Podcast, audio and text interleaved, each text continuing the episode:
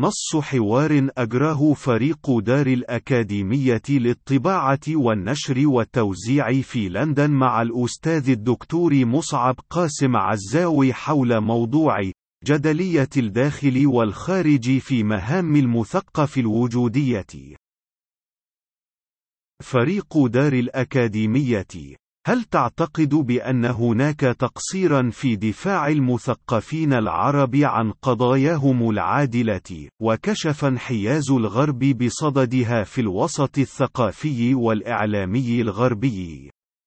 مصعب قاسم عزاوي تقتضي الموضوعية الأخلاقية أولا إنصاف أولئك المثقفين العضويين المجتهدين الذين يكابدون كل صنوف الاستبداد في مجتمعاتهم العربية، ويجاهدون للبقاء على قيد الحياة، والحفاظ على أصابعهم التي تمسك أقلامهم من تهشيم عظامها بكل ما تحمل المفردة من معان بائسة في سراديب الدول الأمريكية. الأمنية العربية التسلطية المدججة بأبابيل بصاصيها وعسها وجلاوزتها ورقبائها ومحتسبيها ووشاتها.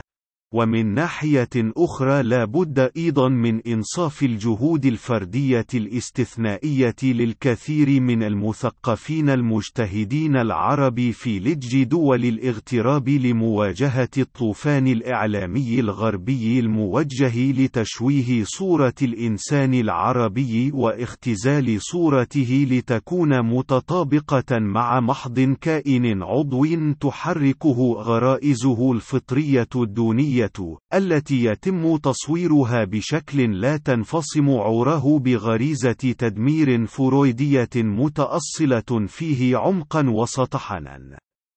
والحقيقة المؤلمة تمثل في أن جل أولئك المجتهدين لا يجدون في ظل الطوفان العنصري المسيطر في الغرب منبرا مؤثرا للتعبير من خلاله عن الحقيقة المغيبة بلغات أي من المجتمعات الغربية بحرية حقيقة غير متاحة حتى للغربيين من السادة البيض أنفسهم ما لم يكن نتاجهم متطابقا مع أجندة ذات المؤسسات الإعلامية المتسيدة المرتبطة عضويا بمصالح الشركات الكبرى، وخاصة تلك العابرة للقارات منها، صاحبة الحل والعقد في تلك المجتمعات، وهو ما يعني في المؤال الأخير ضآلة التأثير أو حتى انعدامه لأي جهود فردية يمكن أن تصدر من أي مثقف عربي جراء ظروفه الموضوعية. العلمية التي تحد من إمكانياته على الفعل وتعطل قدرته على التأثير بشكل كبير سواء في داخل السجون الكبيرة في الدول العربية أو في مطحنة الغربة والاغتراب الاجتماعي في مجتمعات الغرب التي هاجر إليها أبناء العرب، وهنا لا بد من الإشارة إلى أن التوصيف السابق يسري على الجهود الفردية التي يقوم بها مثقفون فرادى بالاستناد إلى القدرات المحدودة عضويا لكل فرد مهما كان مجتهدا، والتي مخرجها الوحيد لاستنهاض قدراتها التأثيرية هو التعاضد والتنظيم والتشابك مع جهود أخرى في بنية ما للفعل الجمعي المشترك سواء في منظمة أو جمعية أو أي مؤسسة أخرى من نواتج التفاعل التفاعل المدني بين أعضاء مجتمع ما. وذلك الأخير هو ما تفتقده الحالة الثقافية العربية بشكل شبه مطلق حينما يتعلق ذلك بمهمة إيصال الصورة الحقيقية عن الإنسان العربي وقضاياه الاجتماعية والسياسية العادلة إلى المتلقي الثقافي والفكري في الغرب بأيدي العرب أنفسهم دون الاضطرار للإتكاء على أخلاقية قلة قليلة قليلة من المثقفين الغربيين الذين يتطوعون للقيام بتلك المهمة، ومجابهة التيار الإعلامي المتسيد، دون أن يكون لهم تأثير فعلي يذكر في الساحة الإعلامية الغربية عموما، وتلك الناطقة منها باللغة الإنجليزية خصوصا، ولكن الواقع السياسي في الغرب بدأ يعاني خلال السنوات القليلة الأخيرة من شروخ فعلية في جدار السيطرة الحديدية على مرشحات وضوابط الخطوط الحمراء المضمرة في الميدان الإعلامي، والهوامش الضيقة للمواضيع السياسية التي تطرح للنقاش الجمعي على منصاته، والتي لا تتطرق إلا لمواضيع هامشية بغرض إملاء صفحاتها وساعاتها بثها، بشكل لا يقلق استقرار المستقنع الراكد الذي جوهره ارتباط مصالح المواطن الغربي في رفاهيته وعيشه الرغيد بالفتات التي ترميها له نظم دول الرفاه في الغرب للحفاظ على انقياده وعدم ممانعته لسلوك النظم السياسية التي ينتجها في نهب مجتمعات العالم الثالث بمختلف الأشكال، وتحول بناها العسكرية والأمنية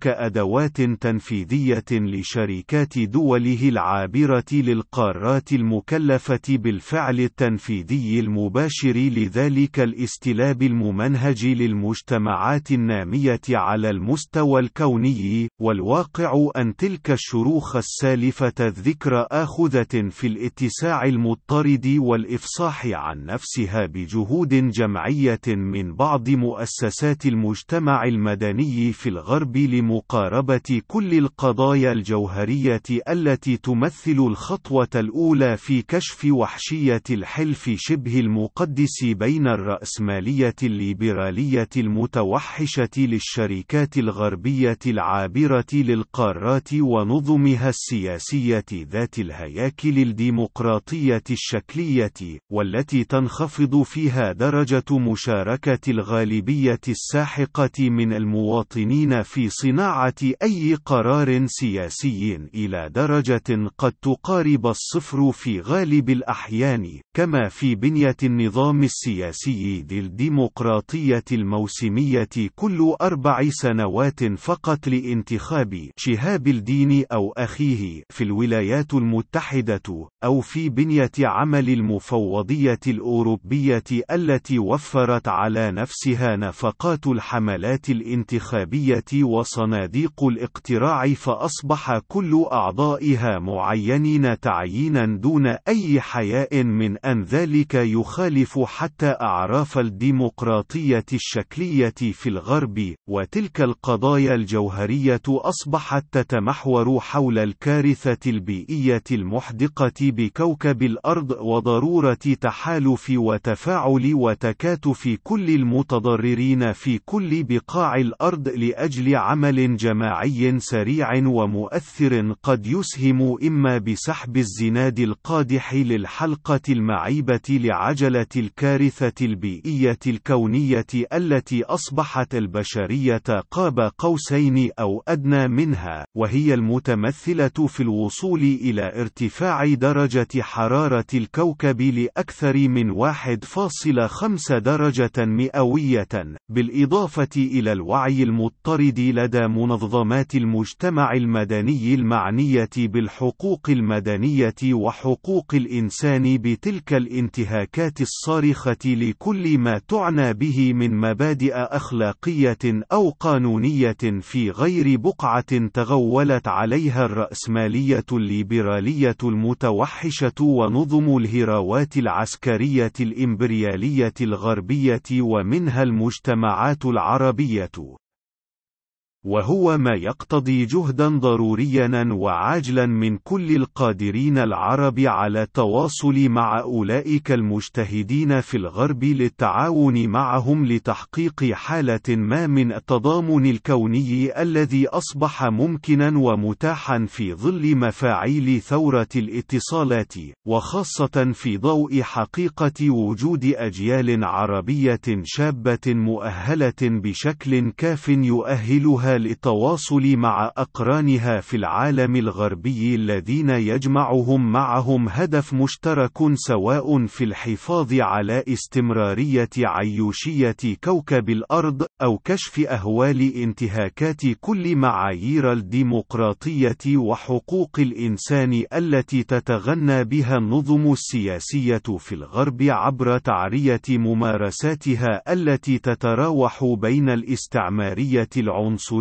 الفجة والسادية المنفلتة من كل عقال، والتعامي وغض النظر عما يقوم به من فظائع وكلاؤها ونواطيرها في المجتمعات المنهوبة المظلومة، وهو ما يعتبر جهدا ضروريا ولازما وملحا للقيام به من قبل الشباب العربي القادرين على ذلك راهنا، والذي سوف يسهم بدوره في تعزيز وتعظيم حجم وعمق تلك الشروخ في جدار السيطرة الحديدية للفئات المهيمنة في الغرب، ويفتح آفاقا لاحتمالات تغير سياسي في آليات العمل السياسي في الغرب قد يفضي إلى إيقاف دعمه اللامشروط للنظم الاستبدادية العربية التي لولا ذلك الدعم لكانت قد تهاوت منذ عقود طويلة.